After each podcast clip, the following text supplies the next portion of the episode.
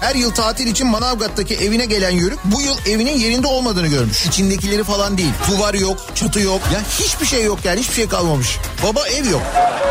Samsun Büyükşehir Belediyesi'nin Mali Hizmetler Daire Başkanı makam odasındaki kasanın içinden 135 bin euro, 36 bin lira, bir tanesi 1 kilogramlık külçe olmak üzere yaklaşık 5 kilogram altın, 13 adet çeyrek altın, 75 tam altın, 50 yarım altın, 1059 tane çeyrek altın. Kendisi dahil 8 farklı kişi adına çeşitli bankalara ait 23 adet hesap cüzdanı, 40'a yakın gayrimenkul tapusu. Samsun burası ya.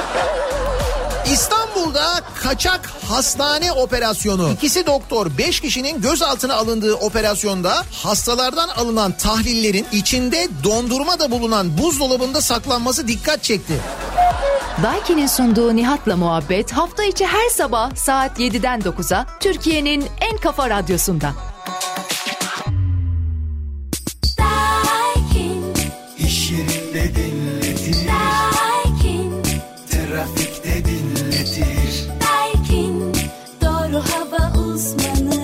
Daiki'nin sunduğu Nihat'la muhabbet başlıyor.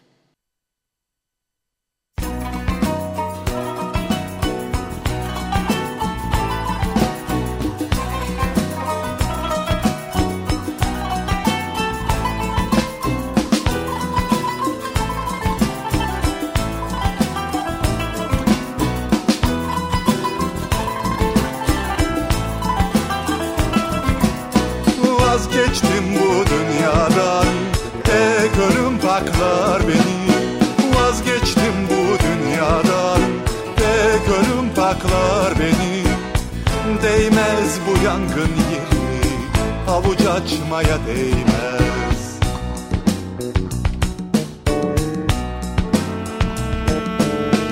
Değil mi ki çiğnenmiş inancın en seçkini? Değil mi ki yoksullar mutluluktan habersiz? Ezilmiş, hor görülmüş el emeği göz nuru Ödlekler geçmiş başa derken mertlik bozulmuş.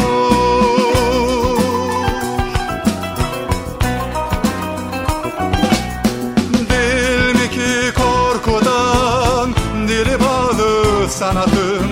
Değil mi ki çılgınlık sahip çıkmış düzene? Doğruya doğru derken eğriye çıkmış adın Değil mi ki kötüler kadı olmuş Yemen'e.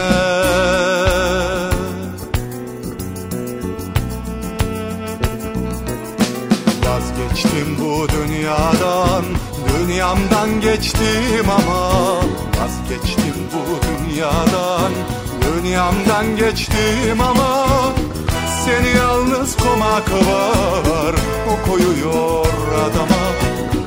Seni yalnız komak var O koyuyor adama.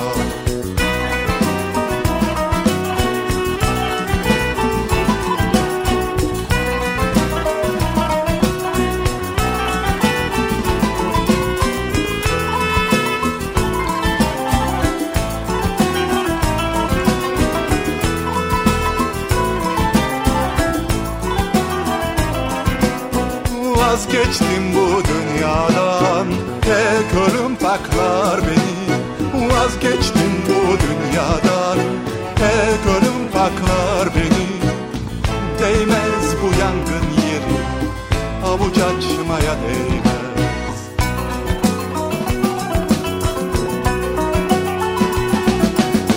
Vazgeçtim bu dünyadan Dünyamdan geçtim ama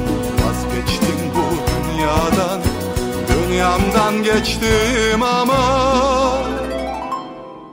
Seni yalnız komak var O koyuyor adama. Seni yalnız komak var O koyuyor adama. Seni yalnız komak var O koyuyor adama. Seni yalnız komak var O koyuyor adama Türkiye'nin en kafa radyosundan, kafa radyodan hepinize günaydın. Yeni günün sabahı, yeni haftanın başı, yeni ayın başı. Hatta baharın da başındayız. Tarih 1 Mart. 7'yi 6 dakika geçiyor saat.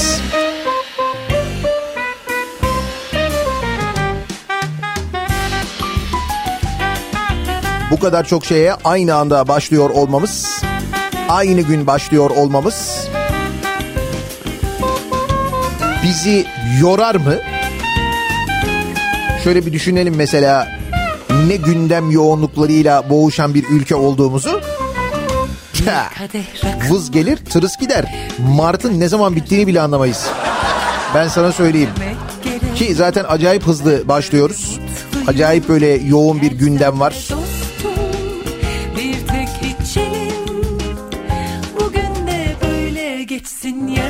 Allah Bir yandan da bir kafa karışıklığı var tabii. Bir kadeh rakım var Şimdi bugün okula çocuklar gidiyor muydu? Gitmiyor muydu? Nasıl oluyordu? Ne olacak mesela bugün biliyor muyuz onu? Bir tek içelim Bugün de böyle geçsin yarın Allah kerim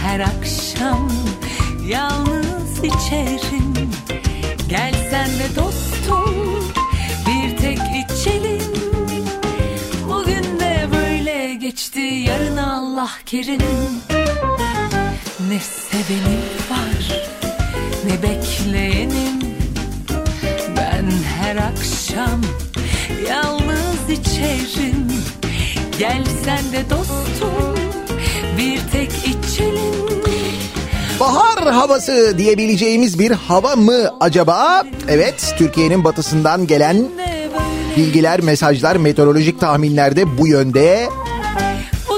Ancak eee, dün mesela yeni bir soğuk ve yağışlı havanın etkisine de girmiş bulunuyor aslına bakarsanız Türkiye. Yani geride bıraktığımız haftaya göre bir nebze daha soğuk. Hatta kimi yerlerde bir miktarda yağışlı. İstanbul'da an itibariyle hafta sonu sokağa çık- çıkma kısıtlamasının da bitmesinin ardından yaşanan klasik pazartesi sabahı trafiği yoğunluğu yaşanıyor. Birazdan detayları vereceğiz ama birinci köprüden gelen bir bilgi var. Ee, birinci köprüde bir intihar girişimi olduğu yönünde gelen bir bilgi var.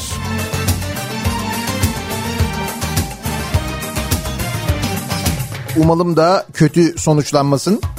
Ama e, yoğunluğun bir sebebi de buymuş. Az önce konuştuğumuz konuysa tabii okulların e, açılıp açılmaması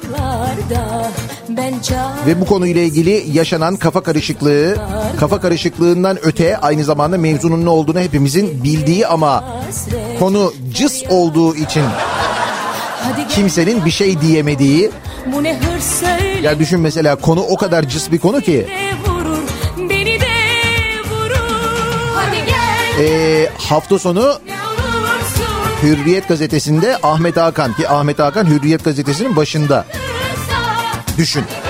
Yani Yani Hürriyet öyle bir gazete artık yani. Neyse orada şey yazıyor. e, bu işte kongrelerdeki kalabalıklarla ilgili bir yazı yazıyor mesela. Kongrelerde çekilen halaylar başlıklı bir yazı mı? Öyle bir yazı olsa gerek. Tabii şimdi başlığı tam hatırlayamadım kelimeyi. Fakat e, şöyle bir durum var. Yazının hiçbir yerinde mesela kongrenin hangi partiye ait olduğunu yani o kongreyi hangi partinin düzenlediğini işte o e, kongrede kimin konuştuğunu falan göremiyorsun. Ya misal Hristiyan demokratlar da yapmış olabilir o kongreyi yani çok emin değiliz bilemiyoruz neresi olduğunu çünkü cız. Partiyi yazamamış ya düşün. Şimdi hal böyle olunca bu sadece işte mesela e, bir gazetenin yazarının yazısına değil hayatın her alanına yansıyor. Şimdi yüz yüze eğitimin 1 Mart'ta başlayacağını biliyorduk değil mi? Çocuklar ona göre hazırlık yaptılar, aileler ona göre hazırlık yaptılar. Bugün için ona göre hazırlanıldı. Hatta sınavlar falan var değil mi? Sonra birdenbire bu ne hır söylene geride bıraktığımız e, cumartesi günü değil mi? Valiliklerden e, yazılar gelmeye başladı. Valiliklerden açıklamalar gelmeye başladı. İşte e, eğitim ya valiliğin açıklamasını da bu arada anlamak tam mümkün değil. Aslında valiliğin açıklaması da az önce bahsettiğim Ahmet Hakan yazısı tadında bir açıklama. Yani diyor ki valilik aslında diyor 1 Mart'ta diyor başlayacaktık diyor. Ama diyor başlayamıyoruz diyor. 2 Mart'ta diyor aynı şekilde diyor başlayacağız diyor. Ama bunun sebebi sebebi şu. e, bugün bir kabine toplantısı gerçekleştirilecek. O kabine toplantısından sonra yapılacak olan açıklamalar var ya. Şimdi o açıklamalar biraz da şey gibi bekleniyor. Böyle bir işte müjde gibi bekleniyor. Şimdi o müjdelerin içine o da verilecek. Orada karar verilecek. Oradan söylenecek. Oradan açıklanacak. Yani öyle biz burada diyor kafamıza göre diyor öyle Bir de e, Milli Eğitim Bakanı Ziya Selçuk bu konuyla ilgili özür diliyor. Yaşanan bir günlük erteleme için bütün vatan, vatandaşlarımızdan özür dilerim diyor.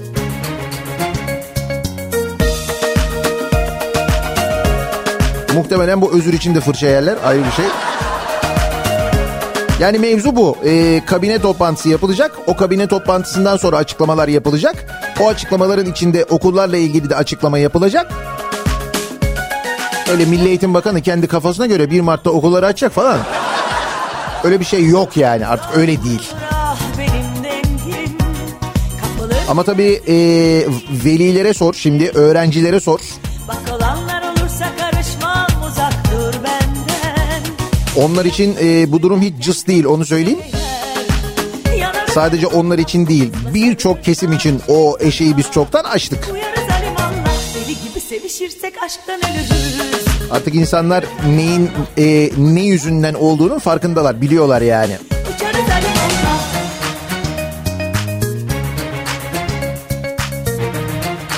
Neyse eğitimle ilgili böyle bir kafa karışıklığıyla başlıyor Mart ayı. Bu arada e, bir de güzel gelişme. Bir aşıya daha onay geldi.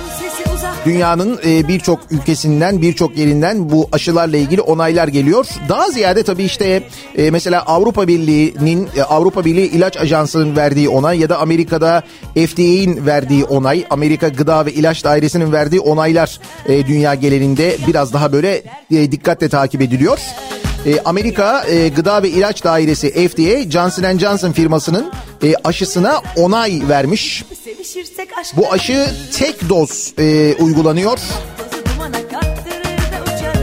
Üçüncü aşı oluyor Amerika'da onay alan Pfizer-BioNTech ve Moderna'dan sonra Amerika'da acil durum kullanım onayı alan üçüncü aşı Johnson Johnson aşısı. Yüzde 66 etkili olduğu tek dozluk aşının yüzde 66 etkili olduğu hastalık ve ölüme karşı da güçlü koruma sağladığı bilgisi var aynı zamanda.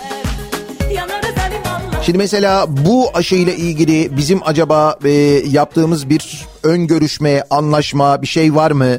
Mesela diğer ülkeler daha aşılar geliştirilirken e, konuyla ilgili hemen anlaşmalar yapıyorlar. Çoktan siparişlerini vermiş hatta ön ödemelerini yapmış oluyorlar. Fakat biz hala tek aşıda ısrar etmeye devam ediyoruz. Ee, BioNTech aşısı bile Pfizer BioNTech aşısını bile daha hala temin edebilmiş değiliz. Aşılamada e, ciddi bir yavaşlama durumu da söz konusu bir yandan. Kaldı ki bu aşıların temini ile ilgili tam da tahmin ettiğimiz gibi ta en başından beri düşündüğümüz gibi usulsüzlükler, menfaat sağlama durumları gerçekleşiyor. Onlar da illaki ortaya çıkıyor ve daha çıkacak daha neler neler öğreneceğiz. Şimdi mesela bu aşının Türkiye'de üretilmesiyle ilgili Rus aşısının Türkiye'de üretilmesiyle ilgili bir şeyler dönüyor ki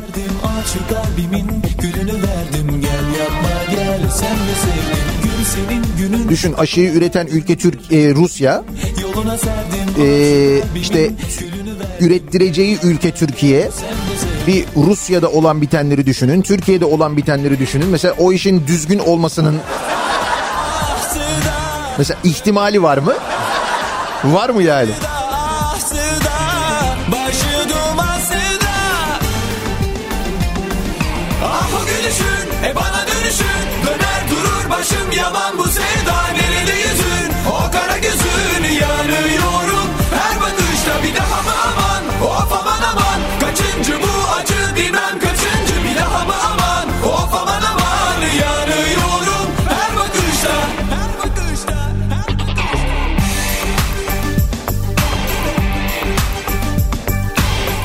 Hafta sonunun en çok e, sosyal medyada dolaşan konularından bir tanesi ki en başta ben de sizin gibi espri zannettim gerçekten bir şaka olduğunu düşündüm. Birisi dedim bir şaka yapmış güzel de yapmış aslında güzel espri gibi geldi bana. E, dünya gafamdan büyüktür diye bir şey e, dolaşıyor böyle sosyal medyada. Dünya gafamdan, gafamdan büyüktür. Buradaki gafam e, Google, Apple, Facebook, Amazon ve Microsoft. Bunları böyle yan yana koyduğun zaman e, baş harfleri gafam oluyor. Bunların logolarından da böyle gafam yazmışlar. Böyle dünya işte beşten büyüktür, dünya gafamdan büyüktür. Yani böyle bir güzel şaka değil mi yani? Ama şaka değilmiş. Vallahi bunu gerçekten söylemişler yani. Yaman Bu e, iletişim başkanlığının e, dijital daire bir şeyi varmış. İşte oranın başındaki beyefendinin bir açıklamasıymış bu. Demiş ki hani dünya beşten büyüktür deniyor ya demiş. Ben de dijital anlamda onun bir benzerini söylüyorum. Dünya gafamdan büyüktür. Gafam yani Google, Apple, Facebook, Amazon, Microsoft. Google bizim bütün arama sistemlerimizi biliyor. Apple hem bilgisayarımızı hem telefonumuzu biliyor. Biyometrik verilerimizin dışında parmak izlerimizi de aldı. Facebook kimi sevip sevmediğimizi, ne yiyip ne içtiğimizi biliyor. Amazon nasıl alışveriş yaptığımızı biliyor. Microsoft kullandığımız bütün işletim sistemlerimizin bilgisine sahip. Peki sonuç? Sonuçta şu yani sonuç ve amaç da burada şu. Ee, işte biz bunların muadillerini yapmalıymışız. Ama illa muadilini yapıyoruz mesela daha gelişmişini, yenisini. Onların yapmadığı bir şeyi mesela yapmak gibi bir düşüncemiz yok. Onun yaptığının aynısını yapalım. Bir de onu böyle bir en başından başlarken şey yapayım. Yerli ve milli yürü falan yapalım. Öyle bir şey yapalım. Niye mesela bütün dünya öyle yapmıyor? Yapmıyor değil mi? Başka bir fikir, yeni bir fikir.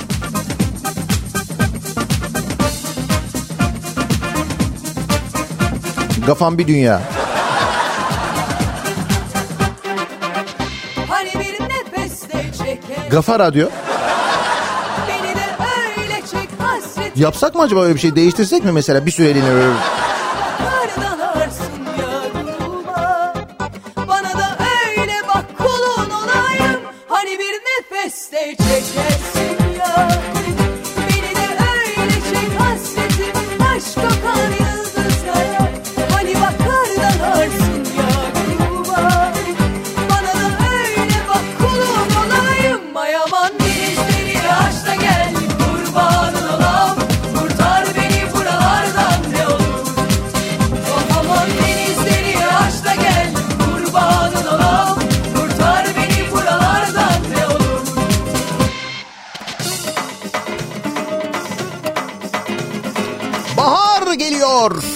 Dedim ya bir kere bak mesela erik çeyrek altını solladı haberi gelmiş ya. Bu bile bir bahar işareti değil mi? Kilosu 720 liraymış mesela. İlk e, erik hasadı yapılmış. Şu anda kilosu 720 liraymış. Böyle başlıyor her şey biliyorsunuz. Martenitsalar bugün takılıyor bileklere. Doğru mu? 1 Mart bugünden itibaren dilekler dileniyor ki ben ne dilendiğini 3 aşağı 5 yukarı tahmin edebiliyorum. Yani yüzde 80-90 biliyorumdur muhtemelen dileğinizi.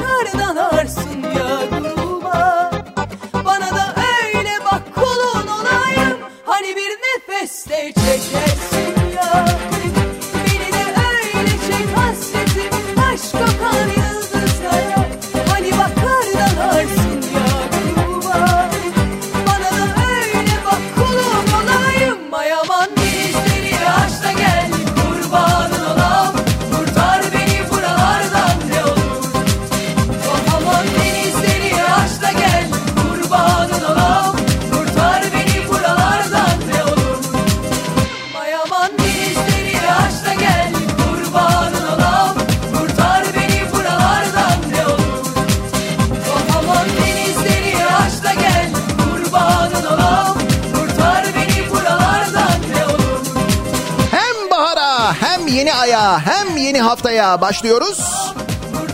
Nasıl bir trafik yoğunluğuyla başlıyoruz acaba? Hemen dönelim bir bakalım göz atalım.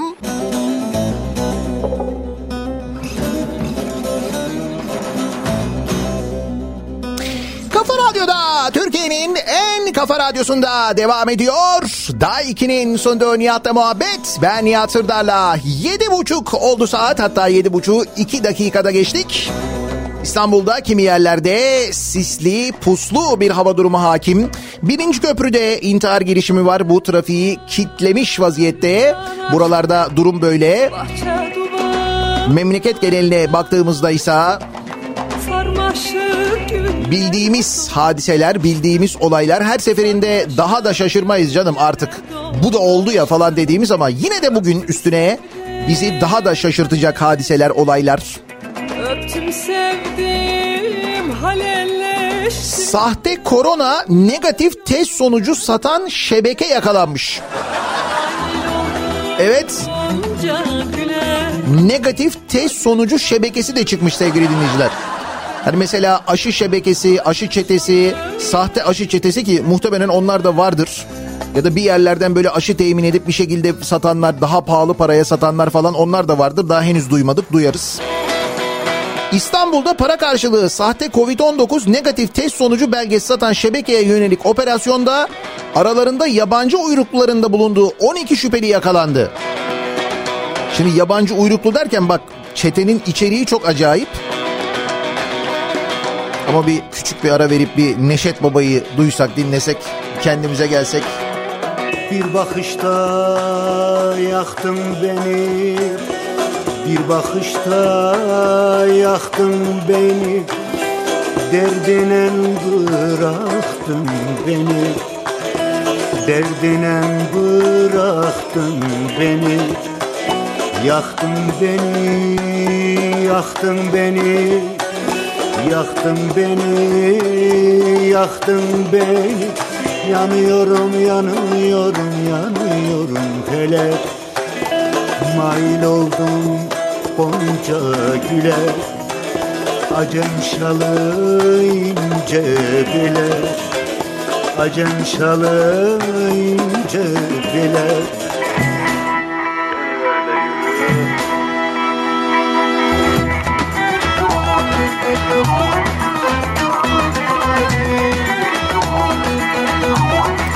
Oh be. Böyle bir kendimize gelmedik mi ya? Ne diyorduk? Sahte korona negatif test sonucu şebekesi bulmuştuk. Şebeke liderliğini dünya geleninde milyonlarca takipçisi bulunan Gürcistan uyruklu sosyal medya fenomeni NM yaparken şebekenin sokak ortasında test yaptıkları görüntüler ortaya çıkmış. Lan fenomenler bu işleri de mi yapıyor artık? Demek ki bu Instagram reklamları falan artık yemiyor herhalde. 150 ila 300 dolar arasında paraya satılıyormuş negatif şebeke. İstanbul genelinde yurt dışı bağlantılı sahte Covid-19 raporu düzenlendiğini polis öğrenmiş. Sahte belgeleri doktor rolündeki Suriyeli MT hazırlıyormuş. Gürcistanlı şete lideri fenomen. Suriyeli doktor rolünde MT var.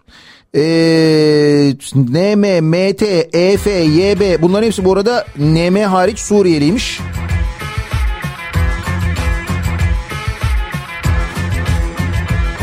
Suç örgütünde yönetici konumda olan Suriyeli MT beyaz önlük giyerek doktor rolü yapmak suretiyle Covid testi için gelen müşterileri sokak ortasında ya da turizm acentelerinde muayene ediyormuş. Sözde doktor MT ayaküstü muayene ettiği kişilerden süprüntü örneği alarak herhangi bir laboratuvara, sağlık merkezine ya da hastaneye göndermeden çöpe atıyormuş. Sonra e, sahte belgeyi hazırlayıp online olarak kare kod sistemiyle teyit alınabilmesi amacıyla bir web sitesi de kurmuşlar bu arada. Arkadaş şeytanın aklına gelmez ya.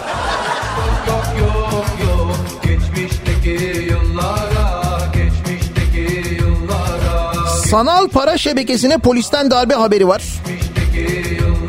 Kendilerine yöntem geliştirmekte hız kesmeyen dolandırıcılar. Bitcoin üzerinden vurgun yapmışlar bu sefer. Bu Bitcoin'den çok insanın canı yanacak da dur. Bitcoin üretmek üzere sistem kuran kişilere para verdiklerini ve yatırım için getirdikleri her iki kişiden e, dijital para alacaklarının vaat edildiğini anlatan saadet zinciri.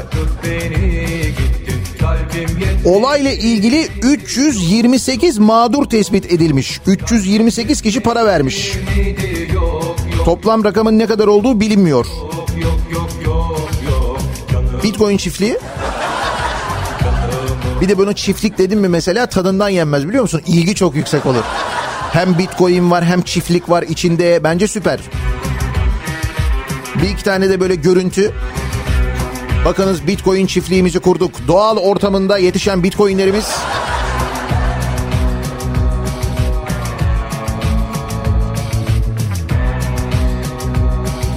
Ya bırak şimdi o teknolojiye teknolojiye benim kafam basmaz. Bizi orada dolandırırlar. Benim kafamda daha şahane bir fikir var diyen ve Antalya'da arkadaşlarıyla bir araya gelen bir çete ki bunlara da bence çete demek lazım. Patara'dan kum çalmışlar sevgili dinleyiciler. Evet Patara'dan kum çalmışlar. Patara'dan kum çalan çete yakalandı. Ne oldu? Serbest bırakıldı.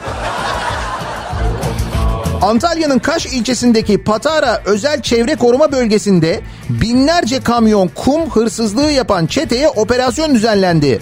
Ova Mahallesi sakini birçok kişinin de şikayetçi olduğu olayla ilgili aralarında iş insanlarının da bulunduğu 20 kişi gözaltına alındı. Temmuz 2020'den itibaren 3000 ila 5000 kamyon arasında kumu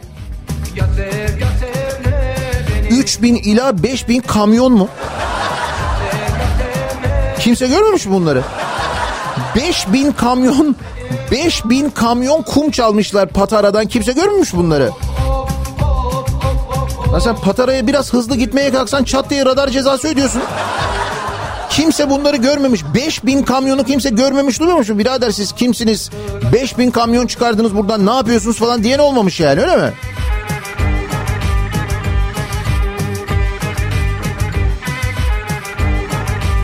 Patara'dan taşınan ve kamyonlarla satılan kumları bazı inşaat firmalarının reklamlarında zemin taşlarımızı Patara kumundan yapıyoruz sloganıyla pazarladıkları ortaya çıkmış iyi mi?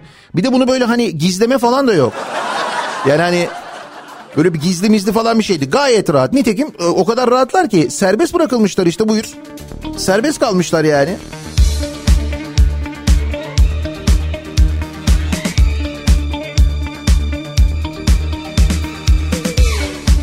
Ne güzel memleket ya. Vallahi ne güzel memleket yani.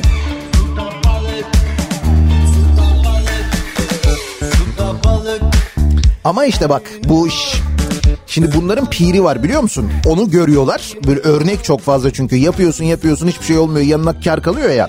Bak şimdi o örnek var aslında bunların piri var. Onunla ilgili bir haber var ama dur bir tane daha haber var böyle. Bakayım. Hayır bu aynısı işte.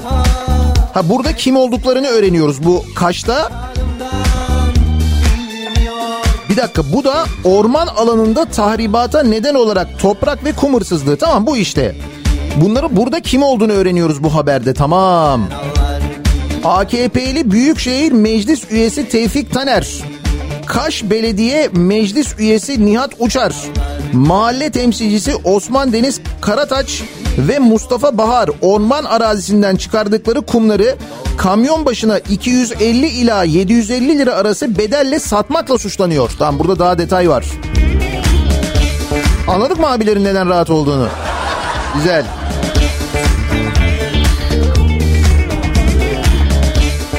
60 bin ila 100 bin metreküp kum çalınmış buradan. Abi nereden aklınıza geliyor ya?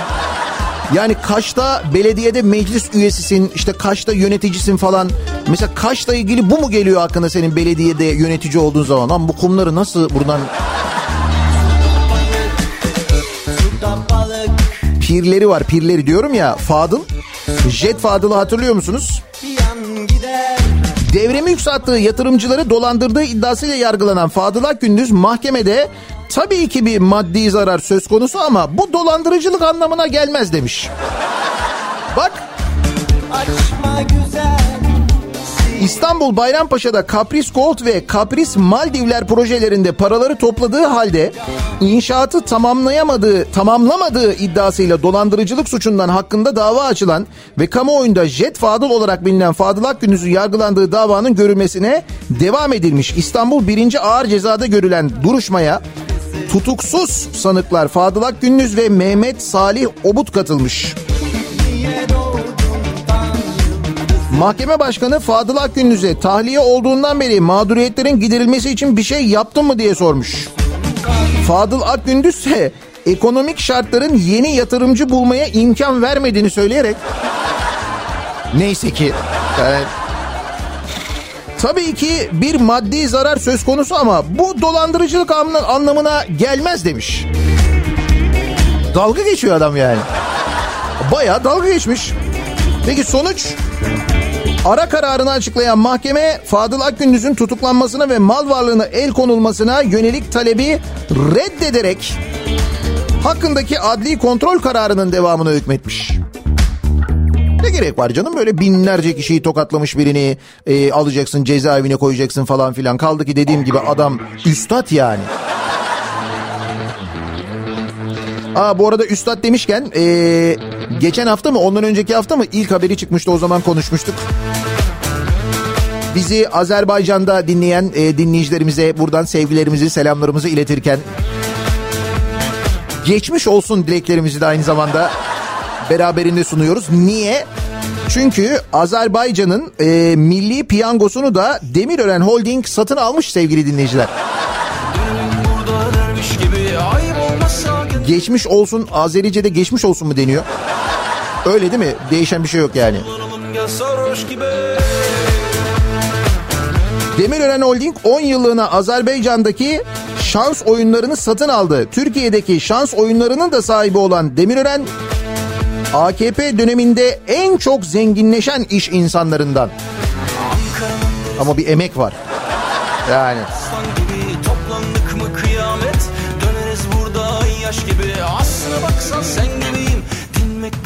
rüzgar gibi Köz burada alev alsak Zıplayalım gel yanmış gibi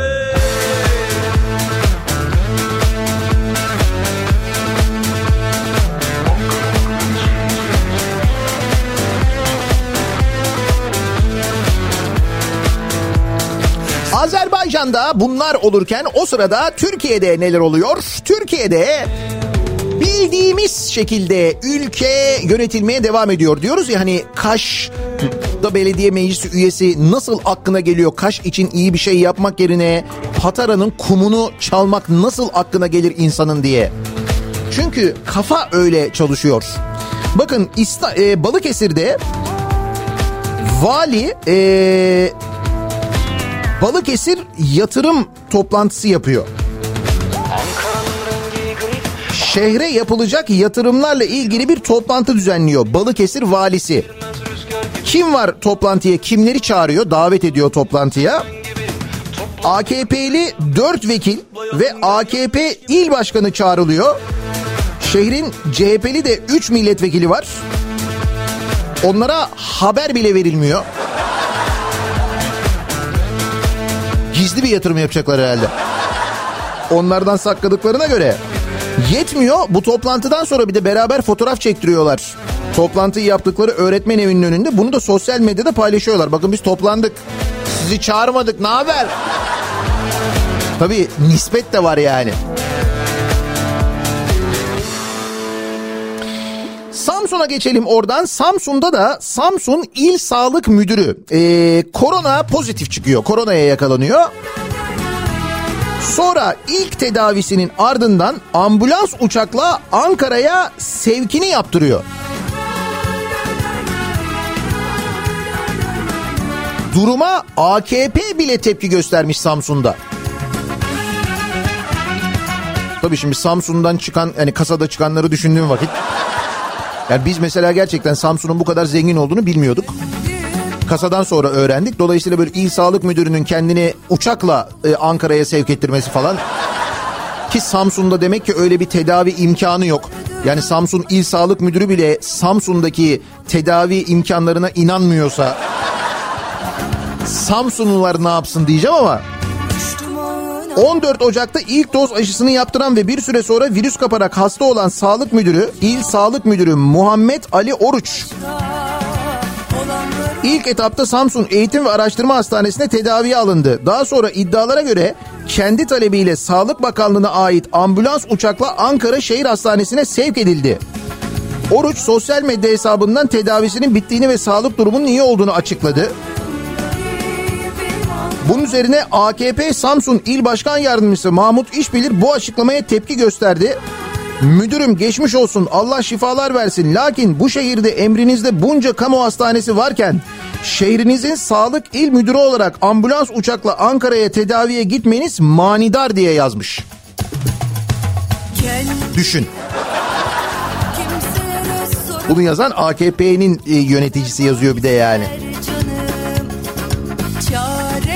İşte zengin memleket olmak demek böyle bir şey yani. Bak mesela Gölbaşı da Ankara Gölbaşı da öyleymiş meğer zengin bir yermiş. Hatta şöyle söyleyeyim ben size Ankara Gölbaşı'ndaki esnaf koronadan e, etkilenmemiş. Yani böyle bir, bir, bir işte yardıma falan ihtiyaçları yok. Öyle olsa e, Gölbaşı Belediyesi esnafa yani kendi ilçe sınırları içindeki esnafa mesela 10 milyon lira yardım eder değil mi? O 10 milyon lirayla bilardo salonu açmaz değil mi? Ama şaka değil ha gerçekten 10 milyon liraya bilardo e, uluslararası bilardo kompleksi açıyormuş. Gölbaşı Belediyesi. Şimdi benim bilmediğim Gölbaşı'nın böyle bir bilardo özelliği mi var? Mesela Gölbaşı'nda bilardo çok mu oynanıyor? Çok mu seviliyor? Oranın böyle bir işte bir, burası bilardocu yatağı falan gibi bir durum. Gölbaşı'nda öyle bir şey mi var? Ha, bilmediğim için soruyorum. Belki de vardır.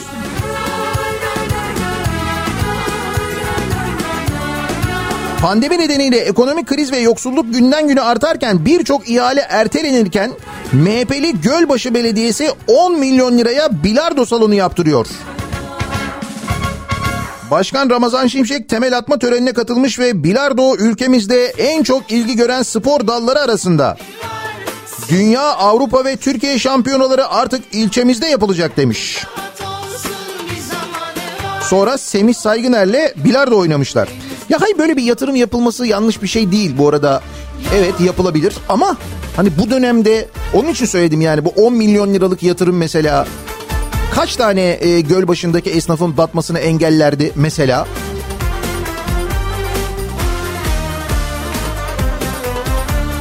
Ama işte biz böyle bu dönem şu dönem falan dinliyor muyuz? Dinlemiyoruz. Bak biz mesela canımızın derdindeyken, işimizin, ekmeğimizin derdindeyken adamlar 5000 kamyon kum çalmışlar Patara'dan ya. 5000 kamyon. Kimse dememiş yani bu ne oluyor diye. Vay arkadaş. Hala ona takıldım ben yani. Yoksa şurası işte bak Saros'ta Saroslular e, seslerini duyurmak için ellerinden geleni yapıyorlar. Kimse duymuyor. Saros körfezi bitiyor biliyorsunuz değil mi? Bitiriyorlar yani. Saros körfezinde doğa katliamı. BOTAŞ Edirne Keşan'da Saros körfezine doğal gaz taşıyacak gemiler için 270 metre uzunluğunda bir iskele, dolgu platformu ve kara boru hattı inşa ediyor. Proje yargı süreci ve bölge sakinlerinin itirazlarına karşın devam ediyor. Yani yargı bu arada şey dedi bir durun bir bakalım doğru mu değil mi dedi. Durdular mı? Yok öyle bir durma yok. İnşaat devam ediyor.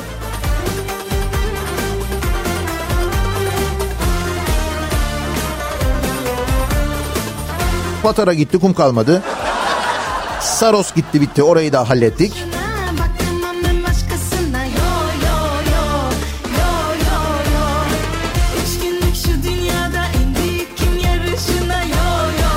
Tabii şimdi bu mesela mesela işte bilardo salonu yapmaya 10 milyon lira. Mesela e, efendim söyleyeyim işte yeni mesela Cumhurbaşkanlığı işte bir şeyi yapmaya mesela sarayı, külliyesi, işte yazlık sarayı, kışlık sarayı bir şeyi yapmaya mesela.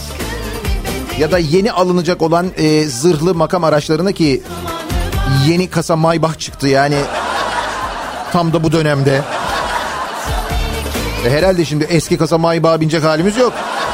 Harıl harıl yeni Maybach siparişleri veriliyor. Da bunları biliyoruz bilmiyoruz. Peki bu durumda ne lazım? Kaynak? He? Peki kaynak kim? Kaynak kim? Söyleyin bana. Kaynak kim? İkinci el araç alım satımına vergi geliyor. Dananam. Kimmiş kaynak? Bütçe açığının yükü yine vatandaşın omuzlarına yükleniyor. Yeni kaynak arayışına giren hükümet şimdi de ikinci el araç satışlarından binde beş vergi almak için harekete geçti. Hazırlanan yasa taslağının yakında Meclis Genel Kurulu'na gelerek yasalaşması bekleniyor. Ya, aldın arabayı 100 bin liraya satıyorsun 120 bin liraya. Bu 20 bin liranın vergisi ne olacak? Ee,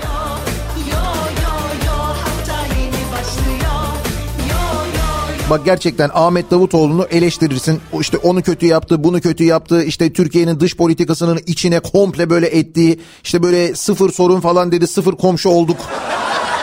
Her şeyi söylersin ama şuraya yaptığı bir tane doğru bir şey var Ahmet Davutoğlu'nun onu unutmayalım. Adam çıktı açık açık ilk söyleyen o oldu yani. Kaynak halkımız dedi ya. Bunu söyledi mi? Bunu söyleyen tek siyasetçidir. Kaynak halkımız, halkımız dedi. D- dediği en doğru ve bence tek doğru şey de budur zaten.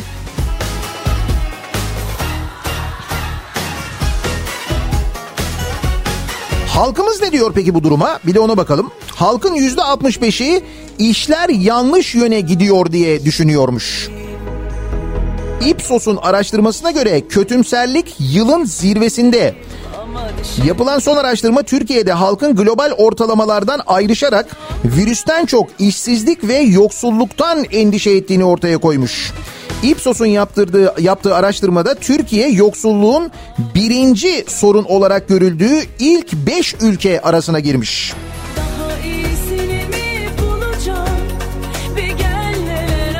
İşler yanlış yöne gidiyormuş öyle mi? İşler kötüye gidiyormuş. Siz öyle diyorsunuz ama mesela Kayseri Milletvekili Hülya Nergis öyle demiyor. AKP'li Hülya Nergis'e göre Türkiye artık ev araba sahibi olmak e, hiç zor değil demiş Türkiye'de.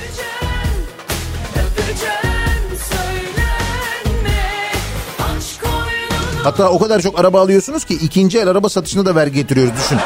Öyle yani. Türkiye'de yaşam standartlarının yükseldiğini söylemiş. Artık ev sahibi olmak, araba sahibi olmak hiç zor değil demiş.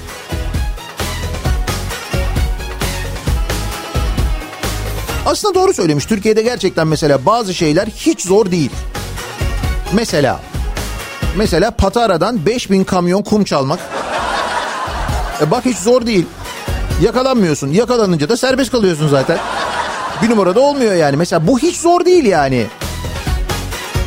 Ama şimdi madem kendisi e, böyle bir iddiada bulunmuş hanımefendi AKP Kayseri Milletvekili Hülya Nergis et Artık ev sahibi olmak, araba sahibi olmak hiç zor değil demiş. Türkiye'de hiç zor olmayan başka neler var acaba diye bu sabah beraber konuşalım. Biraz fikir jimnastiği yapalım bir düşünelim bakalım. Öyle ya hep yabancılar mı düşünüp çetesini kuracak? Adamlar sahte korona negatif raporu satma çetesi kurmuşlar ya. Yani kuran e, çete lideri şeyli Gürcistanlı fenomenmiş. Ekibin kalanı Suriyeli.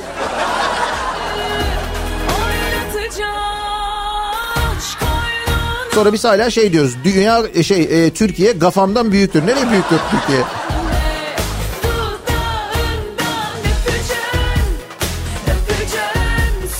Hiç zor değil. Bu sabahın konusunun başlığı olsun. Sosyal medya üzerinden yazıp gönderebilirsiniz mesajlarınızı. Türkiye'de hiç zor olmayan neler var acaba diye soruyoruz. Kayseri milletvekili Türkiye'de yaşam standartının yükseldiğini söyleyip artık ev sahibi olmak, araba sahibi olmak hiç zor değil demiş. İşte biz de bunun üzerine başka neler hiç zor değil acaba diye size soruyoruz. Twitter üzerinden yazıp gönderebilirsiniz. Hala Twitter'da yazabiliyoruz. Hiç zor değil başlığıyla bu hashtag'te bu tabelayla yazabilirsiniz. Arzu ederseniz WhatsApp üzerinden yayınımıza katılabilirsiniz. 0532 172 52 32 0532 172 kafa buradan yazabilirsiniz. Kaldı ki daha önce de bir Denizli milletvekiliydi değil mi? Türkiye'de araba yoktu eskiden önce falan deyip. Ki Denizliler söylemişlerdi doğru AKP'den önce biz kanunlarla işe gidip geliyorduk falan diye. Hatırladım onu. Bakalım neler hiç zor değilmiş acaba Türkiye'de? Bekliyoruz mesajlarınızı bir ara verelim. Reklamların ardından yeniden buradayız.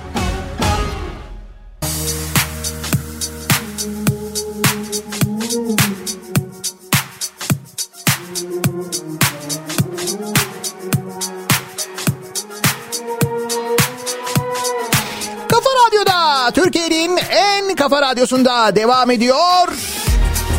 Daha 2'nin sonunda Nihat'la muhabbet. Ben Nihat Sırdar'la. Pazartesi gününün sabahındayız. 1 Mart pazartesi gününün sabahı. Sokağa çıkma kısıtlaması hafta sonunun ardından acayip bir sabah trafiğiyle başlayan haftaya yanaklarımızı ve dudaklarımızı tokuşturarak başlıyoruz. Artık Türkiye'de e, böyle gayet muhafazakar ve mutasip şarkılar yapmak da hiç zor değil. Bak olabiliyor işte.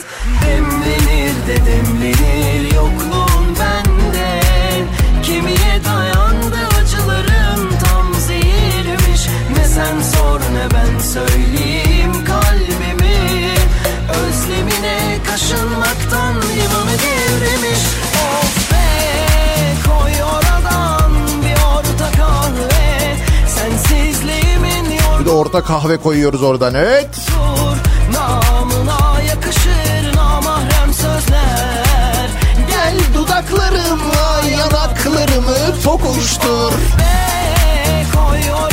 Tokuştur. Ne yapıyorsun be?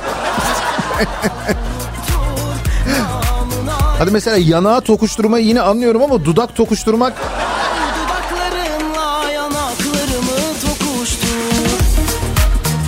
yani onu fiziken hayal edemiyorum. Mesela yanağı anlıyorum hani yanakları birbirine değdirmek diyelim ki o tokuşturmak falan. Fakat dudak tokuşturmak nasıl olacak? Tabii ki denemeyelim. Hayal ediyorum nasıl olur diye. Hemen bunu Hiç zor değil.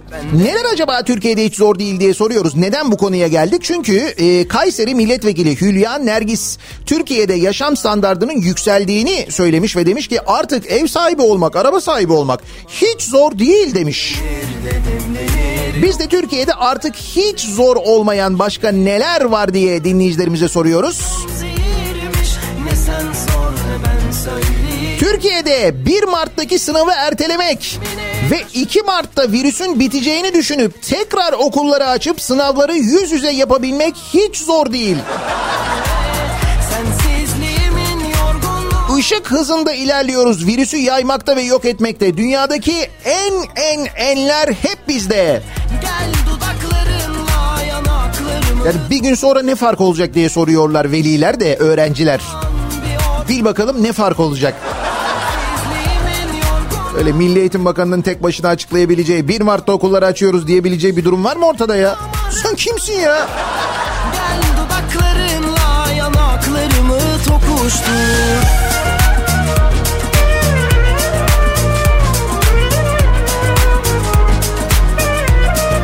Türkiye'de suçsuz sorgusuz dayak yemek hiç zor değil. Hangi dayağı kastediyorsunuz acaba bilemedim ki. Dün o mesela o çiğ köftecideki dayağı mı kastediyorsunuz acaba? Ya gördüm hakikaten cinlerim tepeme geldi. Ben o adama bir yerde denk gelsem. Yani ah ah yani hani böyle bir videoyu bu kadar böyle bağıra çağıra gerçekten çok sinirlenerek izlememiştim çok uzun zamandan beri. İzlemiyorum da artık ama işte böyle mecburum da biraz izlemeye. Haberdar olayım diye. Türkiye simülasyonunda hayatta kalmak hiç zor değil. Ekonomi süper. Nefes almak için vergi ödemiyoruz.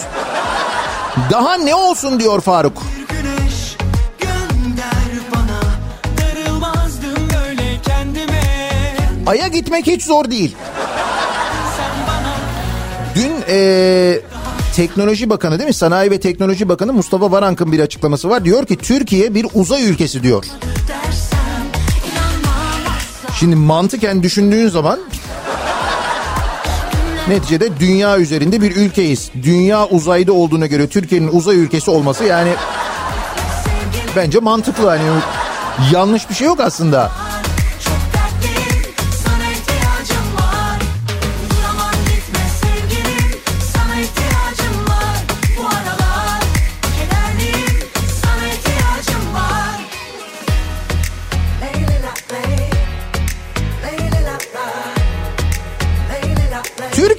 Yeni bir lig kurulması hiç zor değil. Yeni lig mi kurulması? Nasıl ne ligi kuruluyor? Meclis İnsan Hakları Göç ve Uyum Alt Komisyonu'na bilgi vermek için davet edilen Sosyal Bilimler Üniversitesi Uluslararası İlişkiler Bölümü Başkan Yardımcısı Onur Unutulmaz yaptığı açıklamada Suriyelilerin Türkiye'de kendi futbol liglerini kurmalarını önerdi. Oo. Hakikaten unutulmaz bir açıklama olmuş. Sayın Unutulmaz'ın açıklaması. Kendi liglerini kursunlar. Onun ihalesi de yapılır. Tabii yayın ihalesi yapılacak. Hakem atamaları aman. Ya bırak biz bir tanesiyle zaten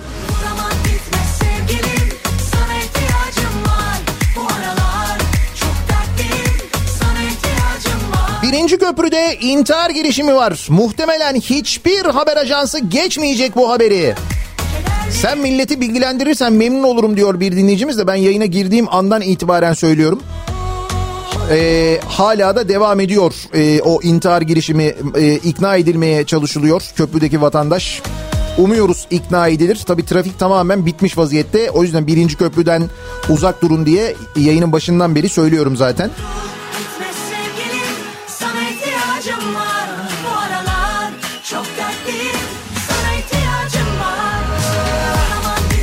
Canım kuru ekmek varsa karın doyurmak hiç zor değil diyor Mersin'den Kemal. Hiç.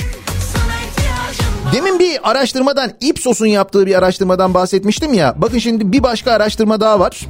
Ee, bir anket var. Hani bu hanımefendi diyor ya Türkiye'de yaşam standartları şöyle yükseldi. Ev almak zor değil, araba almak zor değil falan diye. Vatandaşın yüzde 67'sine göre ekonomi politikası başarısızmış Türkiye'de. Son anket sadece AKP'li seçmenin ekonomiden memnun olduğunu ortaya koymuş. MHP dahil diğer tüm partilerin seçmeni ise iktidarı ekonomide başarısız buluyormuş. Bunu nerede söylemişler? Yani nerede söylemişler bunu? Hani hangi ankete nasıl cevap vermişler? Araya araştırma şirketinin Şubat'ta yaptığı Türkiye Siyasi Gündem Araştırması adlı çalışma halkın ekonomiye bakışını göstermiş. AKP'nin uyguladığı ekonomi politikalarını başarılı, bulan, başarılı bulanların oranı yüzde 22.9. Yüzde 23 başarılı buluyormuş ekonomi politikalarımızı. Böyle bir yüzde 23 var yani. Başarısız bulanların oranı yüzde 67.1. Yüzde 10 görüş bildirmemiş. İşte bunlara herkesin ortasında sormuşlar tabii. Ne düşünüyorsunuz? Düşünüyor muyum? Cumhur İttifakı ortağı olan MHP'nin seçmenlerinin yüzde 67.6'sının ekonomi politikasını beğenmemesi dikkat çekmiş. Ankette ayrıca halkın yüzde 50'sinden fazlasının Cumhurbaşkanlığı sistemini başarısız bulduğu ortaya çıkmış. Başarılı bulanların oranı yüzde 38.9. Yine arada bir fark var. Onlar yine fikri olmayanlar. Görüş bildirmeyeyim ben ya. Bir fikrim yok bu konuda yani. Endişeye mal endişeye Sen ne dilersen gerçek olur Daha iyi sev Ev yolunda koştu kavesti ve Milli eğitimi yönetmek bence hiç zor değil diyor bir dinleyicimiz. Hasta vaka sayısı şu oran ya da şu sayının altına inince okullar açılacaktır yerine ileriye dönük bir tarih verilip o gün gelince bakarsınız mesela. Olabiliyor değil mi o? İşte öyle oldu mesela. Bugün e, açıyorduk ne oldu? Yarın ertelendi. Niye? Çünkü bugün toplantı var. Toplantıdan sonra açıklanacak. Tüm oyunları oynar Dediğim gibi böyle Milli Eğitim Bakanı kendi kendine açıklayacak falan öyle bir şey. İban vermek hiç zor değil. Ne oluyor? Yine İban mı var? Yoktur canım. İban yok, İban yok. Rahat olun. İkinci el otomobil satışına vergi var. Isınmak hiç zor değil.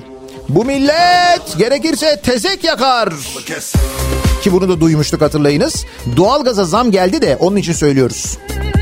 Evet e, bugün itibariyle 1 Mart itibariyle doğalgaza yüzde bir zam gelmiş.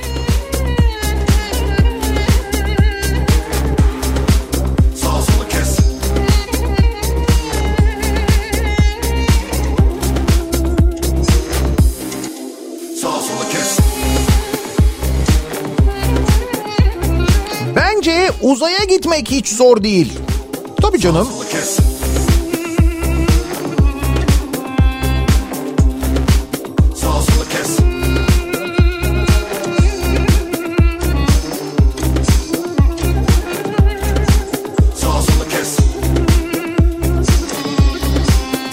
Taahhüt etmek hiç zor değil.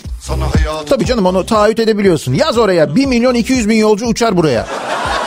Oğlum çok güzel havaalanı olmuş lan. Valla buraya 1 milyon 200 bin kişi senede uçar buraya. Yaz oraya 1 milyon 200 yaz. Sonuç 7 bin kişi. Tamam pandemi de 7 bin kişi. Geçtim 70 bin kişi olsun. Olmadı ya. Ne?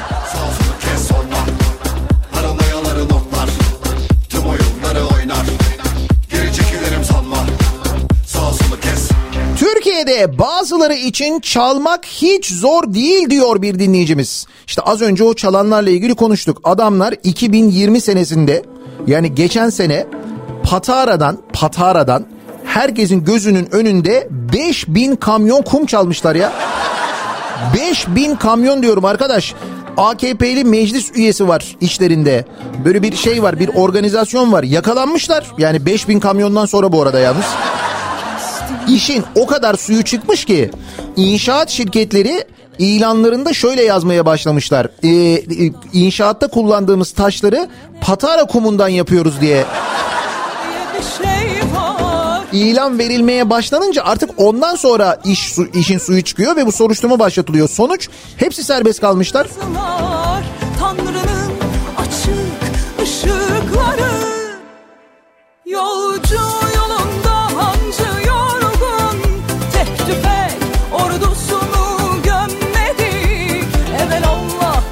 oyunu bozmak hiç zor değil. Ya hay hep bozuyoruz bozmasını da. Nasıl bir büyük oyunsa hemen bir toparlanıyor yani. Yedek parçası çok oyunun o yüzden.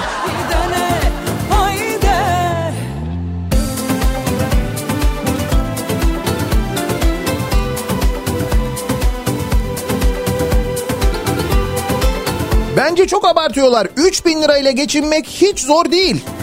Kirayı ödeyince bir 400 liram kalıyor diyor mesela bir dinleyicimiz.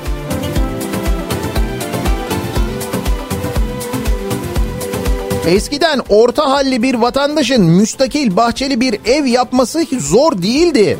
Şimdi 75 metrekare dairelere hapsolduk. Onar yıllık krediler de cabası diyor bir dinleyicimiz. Belli ki Kayseri milletvekili hanımefendinin o konut fiyatlarından haberi yok olmayabilir.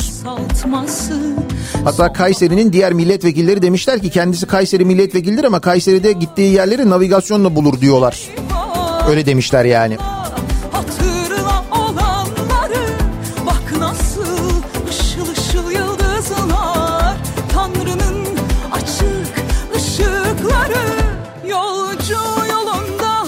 Şeref diyor ki abi şimdi Çekmeköy'de kirada oturduğum daireden çıktım.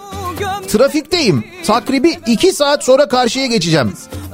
Şimdi bu karşıya geçmenin e, geçmekle ilgili sıkıntıyı aşmak için zor olmayacağını bildiğimden bir e, yalı almayı düşünüyorum deniz kenarında. Hiç zor değil diyor çünkü yani ne olur.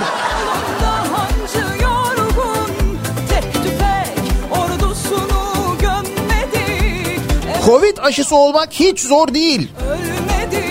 Gidiyorsun eczaneye yaş falan önemli değil. Aşın olup çıkıyorsun. İsteğe göre Çin, Alman, Rus bütün aşılar mevcut. Nereden yazıyorsunuz siz bize? Hayır, bizden yazmadığınız belli yani. Ee, bakalım. Türkiye'de istifa etmek e, hiç zor değil. Yo zor. Nereye istifa etmek istiyorsun? İstifanı hiçbir yerde yayınlatamıyorsun. Hatırla Anadolu Ajansı yayınlamadı. Ya Sabah gazetesi ATV yayınlamadı ya. Yayınlamadılar yani. Biliyorsun en sonunda şeyden Instagram'dan falan istifa edebiliyorsun. Öyle kolay bir şey değil yani.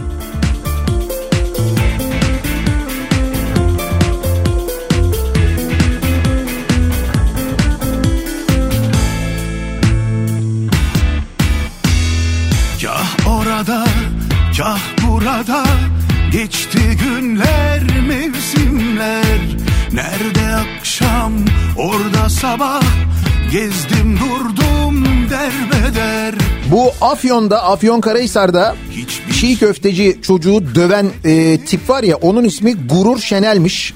Senden Hatta e, ihlas pazarlama çalışanı olduğu söylenmiş. Bunun üzerine ihlas pazarlama bir açıklama yapmış. Demiş ki efendim demiş ihlas pazarlama çalışanı değil ihlas pazarlamanın bayisinin e, çalışanı dem- denilmiş.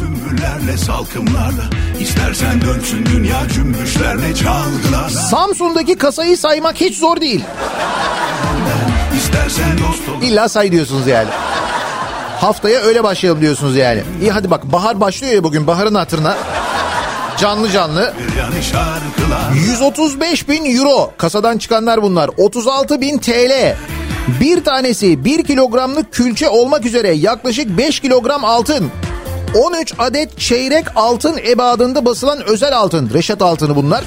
75 tam altın, 50 yarım altın, 1059 çeyrek altın. Gökyüzünden Kendisi dahil 8 farklı kişi, kişi adına çeşitli bankalara ait 23 hesap cüzdanı ve 40'a yakın gayrimenkul tapusu. Doğru mu saydım diye sormuş. Doğru saymışsın kardeşim bravo.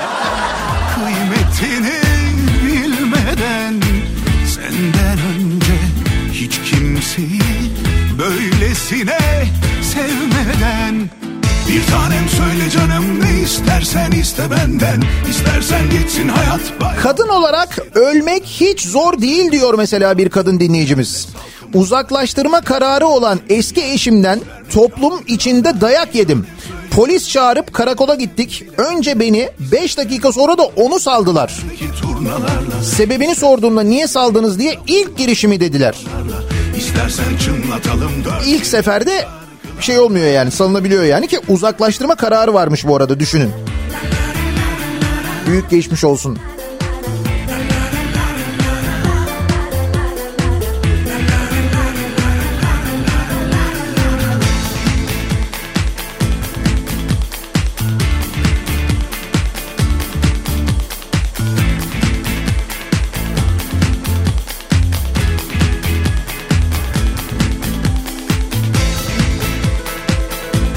Mesela ülkede kafayı yemek hiç de zor değil.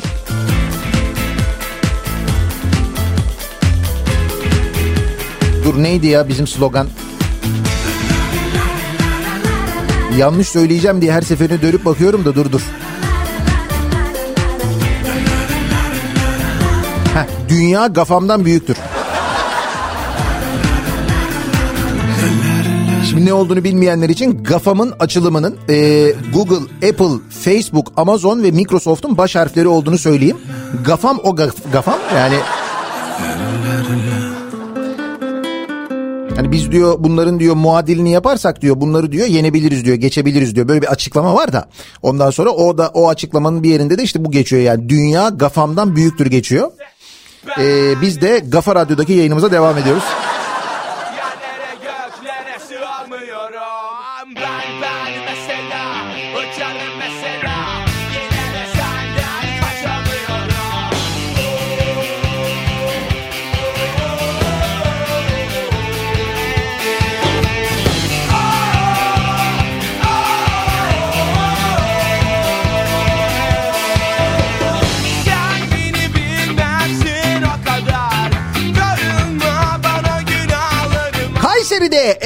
Ya da kiralamak hiç zor değil. Hah, belki de Kayseri'de böyle bir durum vardır biz bilmiyoruzdur.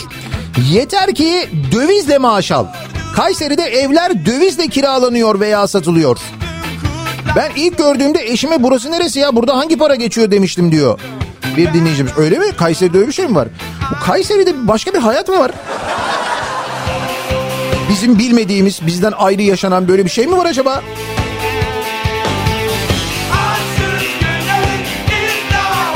Hayır Kayseri'de benim tanıdıklarım var, arkadaşlarım var. Biliyorum onlardan hiç öyle değil normal. Orada bildiğin TL'ye geçiyor. Avrasya Tüneli'nden geçmek hiç zor değil diyor mesela Zeynep. Verdin mi 46 lirayı yürü git kim ne diyebilir? Geçenlerde dalgınlıkla yolu kaçırınca girmek zorunda kaldım. Hislerimi tarif etmek mümkün değil diyor. 46 lira oldu değil mi? Tek yön orada.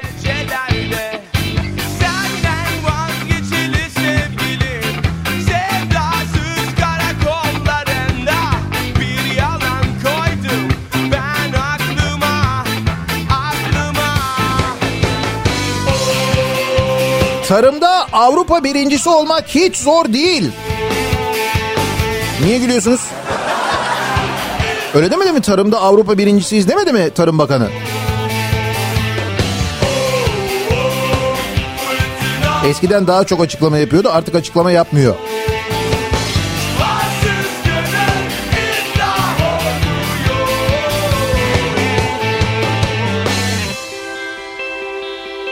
Mesela iki sözle Silivri'ye gitmek hiç zor değil.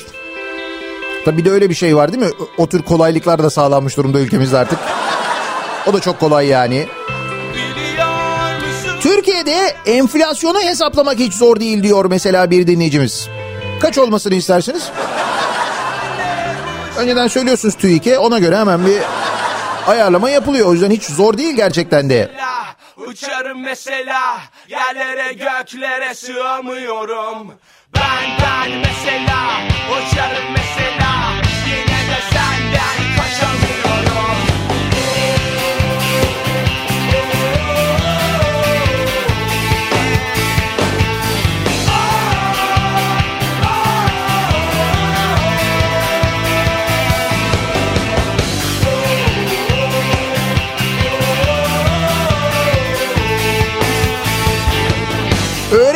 görevlisi olabilmek hiç zor değil.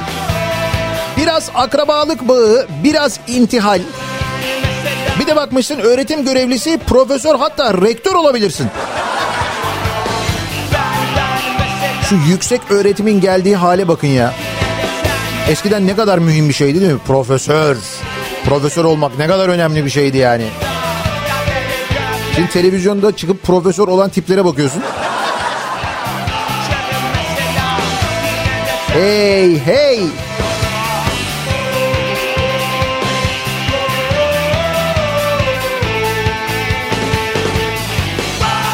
maskeyi kısa süreliğine çene altına alınca o kişiyi takip edip ceza kesmek hiç zor değil.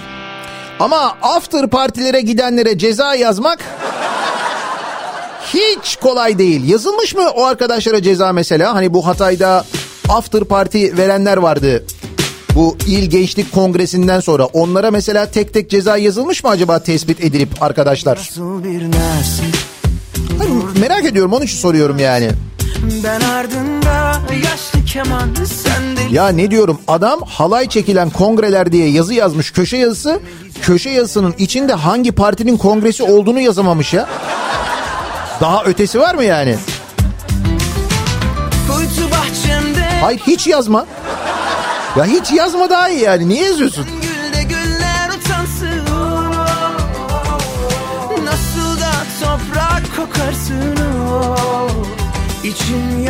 Türkiye'de köşe olmak hiç zor değil. Yeter ki Canikos'u kadrosunda yedek kulübesinde kalmayıp ilk 11'de kendine yer bul. Kaç Çivi çakmadan kasaları doldu diye bir haber var mesela burada. Elektrik dağıtımının özelleştirilmesi kabarık faturaları beraberinde getirirken hiçbir yatırım yapmayan şirketler milyonlarca lira kazanıyor. Ah sen deli kız ne güzel Nasıl oluyor ya? Hiç para harcamadan öyle milyon lira kazanmak nasıl oluyor? Deli kız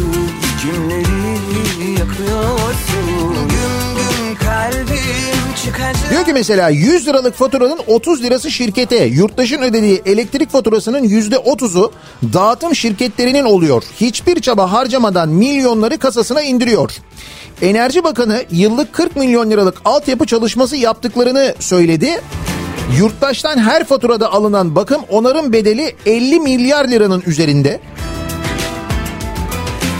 Dağıtım şirketlerinin görevini yerine getirmemesi sebebiyle 2021 yılının Ocak-Şubat aylarında 30'un üzerinde ilde elektrik kesintisi meydana gelmiş. Ya bu kadar para toplanıyor ediliyor bir de e, bakım yapıldı deniyor denilmesine rağmen böyle kesintiler yaşanıyor. O Bu elektrik işi iyiymiş.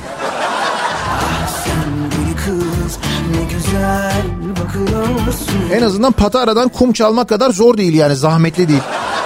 O daha zahmetli bir şey. Kamyonu bulacaksın, kumu alacaksın, çalacaksın falan. Acıyor kalbim olmaz Ah Kaç gel deli kız kimleri yakıyorsun Güm güm kalbim çıkacak yerinden eyvah Olmaz olmaz. Ah sen deli kız ne güzel bakıyorsun. Kaç gel Bugünün Türkiye'sinde terörist ilan edilmek hiç zor değil diyor Mersin'den Nurten doğru. Herkes bir gün olacak zaten herkes sırayla konuşan, açıklama yapan, tepki veren kim varsa tek tek sırayla en başından itibaren oluyor. Olmadı mı zaten görüyoruz. Hiç zor değil bu sabahın konusunun başlığı. Neden? Çünkü Türkiye'de ev sahibi olmak, araba sahibi olmak hiç zor değil demiş. Bunu söyleyen bir milletvekili var. Türkiye'nin e, artık böyle hayat şartlarının, yaşam standartlarının yükseldiğini söylemiş. AKP Kayseri Milletvekili Hülya Nergis kendisinin bu sözleri üzerine biz de konuşuyoruz. Türkiye'de hiç zor olmayan neler var acaba diye soruyoruz. Reklamlardan sonra yeniden buradayız.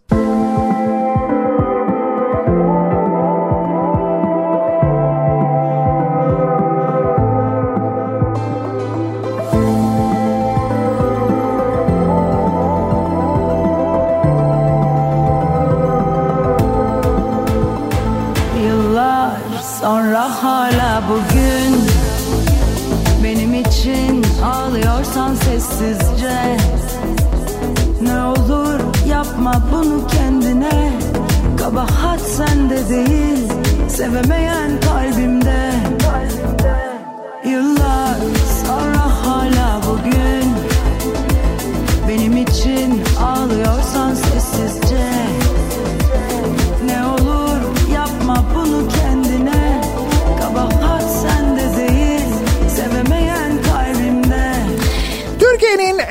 kafa radyosunda, Kafa Radyo'da devam ediyor. Daiki'nin sunduğu Nihat'la muhabbet. Ben Nihat Sırdar'la. Pazartesi gününün sabahındayız. 1 Mart pazartesi gününün sabahındayız. Hiç zor olmayan neler var acaba diye bu sabah konuşuyoruz. Türkiye'de neler hiç zor değil. Bakınız Kayseri milletvekili hanımefendiye göre Türkiye'de ev almak, araba almak hiç zor değilmiş. Türkiye'de yaşam standartları çok yükselmiş. İşte biz de bunun üzerine başka neler zor değil acaba diye konuşuyoruz. Mesela alışveriş yapıp enflasyonu düşürmek hiç zor değil. Yeter ki bankamatikler 200 liralık banknot vermesin. Geçen hafta konuşmuştuk bunu hatırlayacaksınız. Merkez Bankası tüm bankalara bankamatiklerden verilecek paraların banknotların düşük banknotlar olmasını yani 5'lik 10'luk 20'lik banknotlar olması gerektiğini bir resmi yazı ile bildirmişti. 200 liralık banknot, 100 liralık banknot hatta 50 de verilmesin. Daha küçük e, küpürlü banknotlar verilsin deniyordu.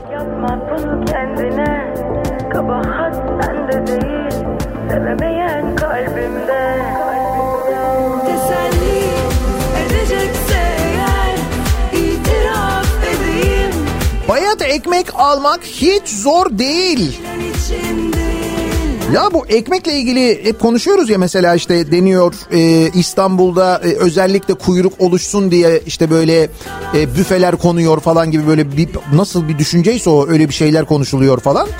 Hafta sonu bilmiyorum gördünüz mü E, gazetelerde fotoğrafı vardı. Rize'de Rize Belediyesi halk ekmek e, büfesi açmış ve burada da ucuz ekmek kuyruğu varmış. Yani Rize'de de böyle epey bir e, kuyruk var. Bilemezsin İstanbul halk ekmeğin bir benzeri Rize'de var. Belediye fırından aldığı ekmeği halka ucuz satmak için iki büfe açmış. Dar gelirli vatandaş bakkallarda 2 liraya satılan normal ekmeği 1,5 liradan alabilmek için büfe önlerinde uzun kuyruklar oluşturmuş. Rize'de. bulamazsın Bu görüntüyü öyle her yerde izleyemiyorsun. Ayrı bir şey de. İsmail yazmış İsmail Saymaz. Derdimin çaresini istesem de istesen de nasılsa bu gece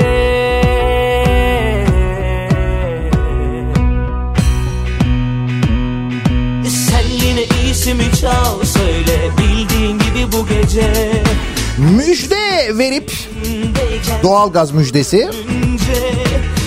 405 milyon metreküp doğalgaz bulduk dedikten sonra doğalgaza 5 kere zam yapmak hiç zor değil. Zira ısınmak çok zor.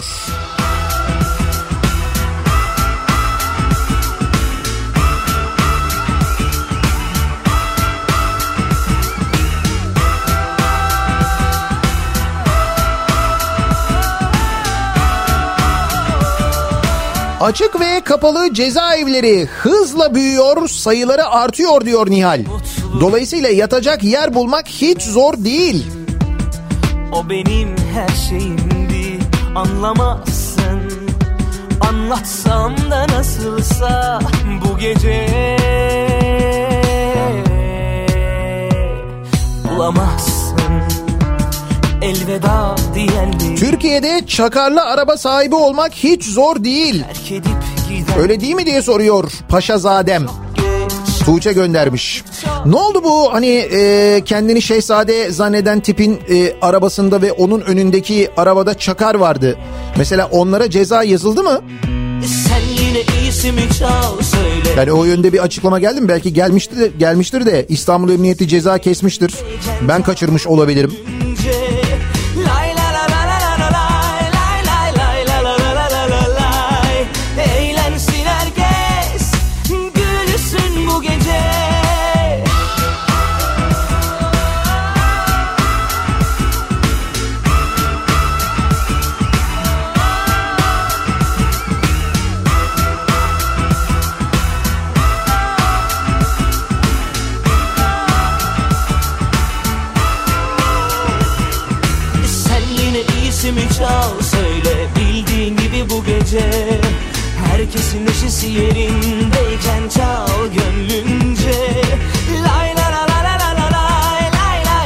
8.41'de mesela Zeynep mesaj göndermiş. Şimdi geçtim köprüden.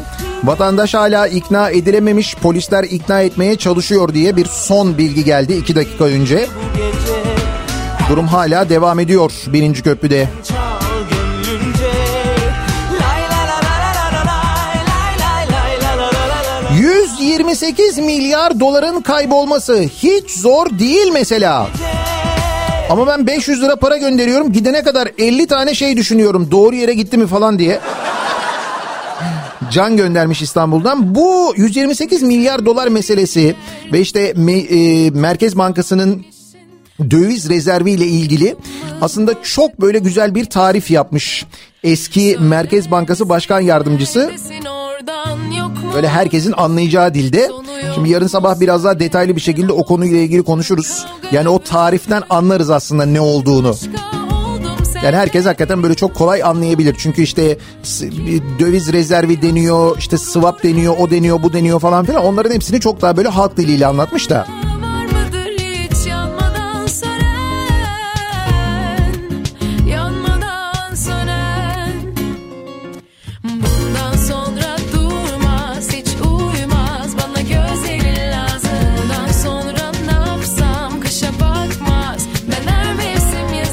26 yaşındayım diyor. Kayseri'de yaşıyorum. Görme engelliyim. 3 çocuk babasıyım demiş bir dinleyicimiz. Buyurun. Kayseri milletvekili öyle demiş ya. Bakın Kayseri'den biri yazıyor. Geçinmek için çalışmak zorundayım ama işe gidip gelirken kafamı ağaca, direğe çarptığımda canım yanmıyor da kızım pansuman yaparken baba acıyor mu dediğinde çok e, yanıyor. Bu nedenle e, eşim arabaya arabayla işe gidiş gelişimde kullansın diye araba alabilmek için iki yıl sonra ödemek kaydıyla borç para bulamadığım için araba alamadım ben mesela sayın vekilim diyor. Kayseri'den bir vatandaş görme engelli bir vatandaş buyurun. Hani kolay diyor ya araba almak kolay ev almak kolay. Buyurun Kayseri'de e, pek öyle kolay değil işte.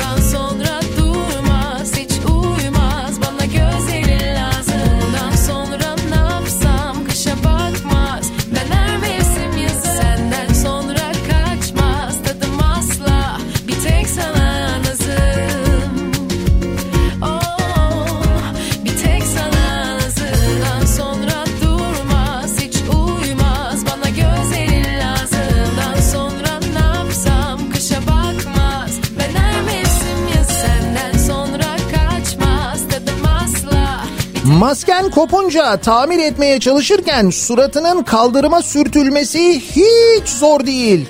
Çok da kolay yapılıyor diyor mesela bir dinleyicimiz. Böyle bir şey oldu değil mi? Hafta sonu bunun görüntüsünü de izledik.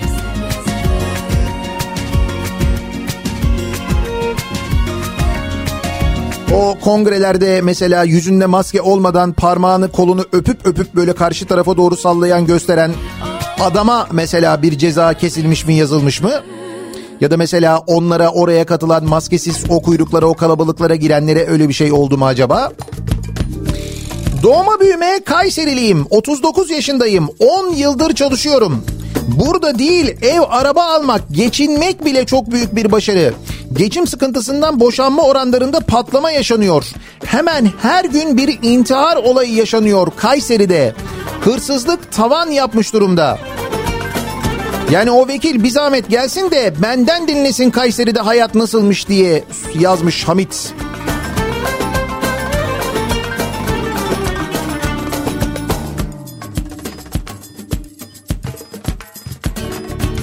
Bende bu cehennem gibi yürek olmasa Bende deli rüzgar gibi hasret olmasa Bir de cana can katan o sevdan olmasa Sevdan olmasa Bir de cana can katan o sevdan olmasa Sevdan olmasa Ah bu hayat çekilmez Nihat abi vallahi işi biliyorsun.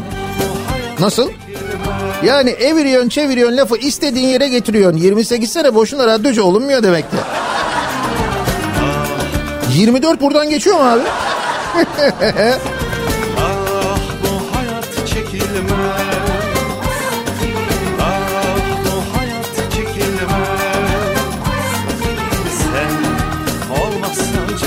Bornova'dan Menemen'e gitmek hiç zor değil diyor mesela İzmir'den bir dinleyicimiz. Menemen hava yollarına biniyorsun 10 dakika şak. Bu Menemen minibüslerine öyle deniyordu değil mi? Menemen hava yolları diye. Tamam biliyorum. Hala öyleler mi onlar ya? Bütün o kameralara, radarlara falan rağmen yani. Ankara'da karnını doyurmak hiç zor değil. İstediğin yerde yemeğini yiyorsun. Denizli Çivril Belediyesi'ne yazdırıyorsun çıkıyorsun. Denizli milletvekili öyle yapmıştı ya. Bir de cana can katan o sevdan olmazsa Sevdan olmazsa Bir de cana can katan o sevdan olmazsa Sevdan olmazsa Ah bu hayat çekilmez. Ah Ah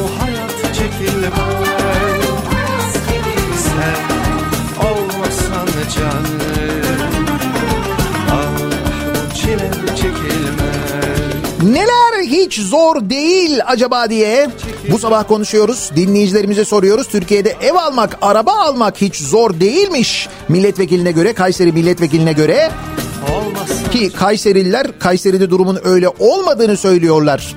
Hiç zor olmayan başka neler var acaba diye konuşuyoruz. Reklamlardan sonra yeniden buradayız.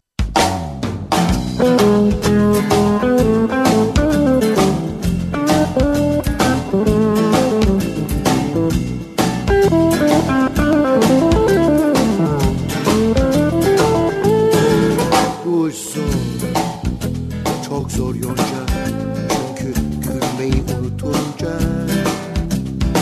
Taş yüreklerde kilitli duygular Kapılar açılmayınca. İş zor, çok zor yonca Çünkü sevmeyi bilmeyince. Bahar gelir fark edilmez olur insanlar görmeyince. Bu iş sorunca Çünkü insanlar günler boyunca hiç soru sormadan durur Bu iş çok zor yonca Çünkü insanlar günler boyunca hiç soru sormadan Kafa Radyo'da Türkiye'nin en kafa radyosunda devam ediyor. Daiki'nin sunduğu Nihat'la muhabbet. Ben Nihat pazartesi gününün 1 Mart pazartesi gününün sabahındayız. Yayınımızın son bölümündeyiz. Olağanüstü bir sabah yaşıyoruz. Ee, İstanbul'da trafikle ilgili gerçekten çok ciddi bir durum var. Boğaz Köprüsü'nde saat 5'ten beri devam eden bir intihar girişimi durumu ki hala devam ediyor. İkna edebilmiş değil vatandaş. Buna bağlı olarak da tabii İstanbul'u içindeki bütün yollar kilitlenmiş vaziyette neredeyse. Öğle saatlerinde bu arada yağış geliyor onu da söyleyeyim. Öğleden sonra hava bulutlanıyor sonra yağış başlıyor. Yağış yarın da devam ediyor. Böyle bir haftaya Mart ayına beraber başlıyoruz. Birazdan Kripto Odası başlayacak. Güçlü Mete Türkiye'nin ve dünyanın gündemini son gelişmeleri sizlere aktaracak.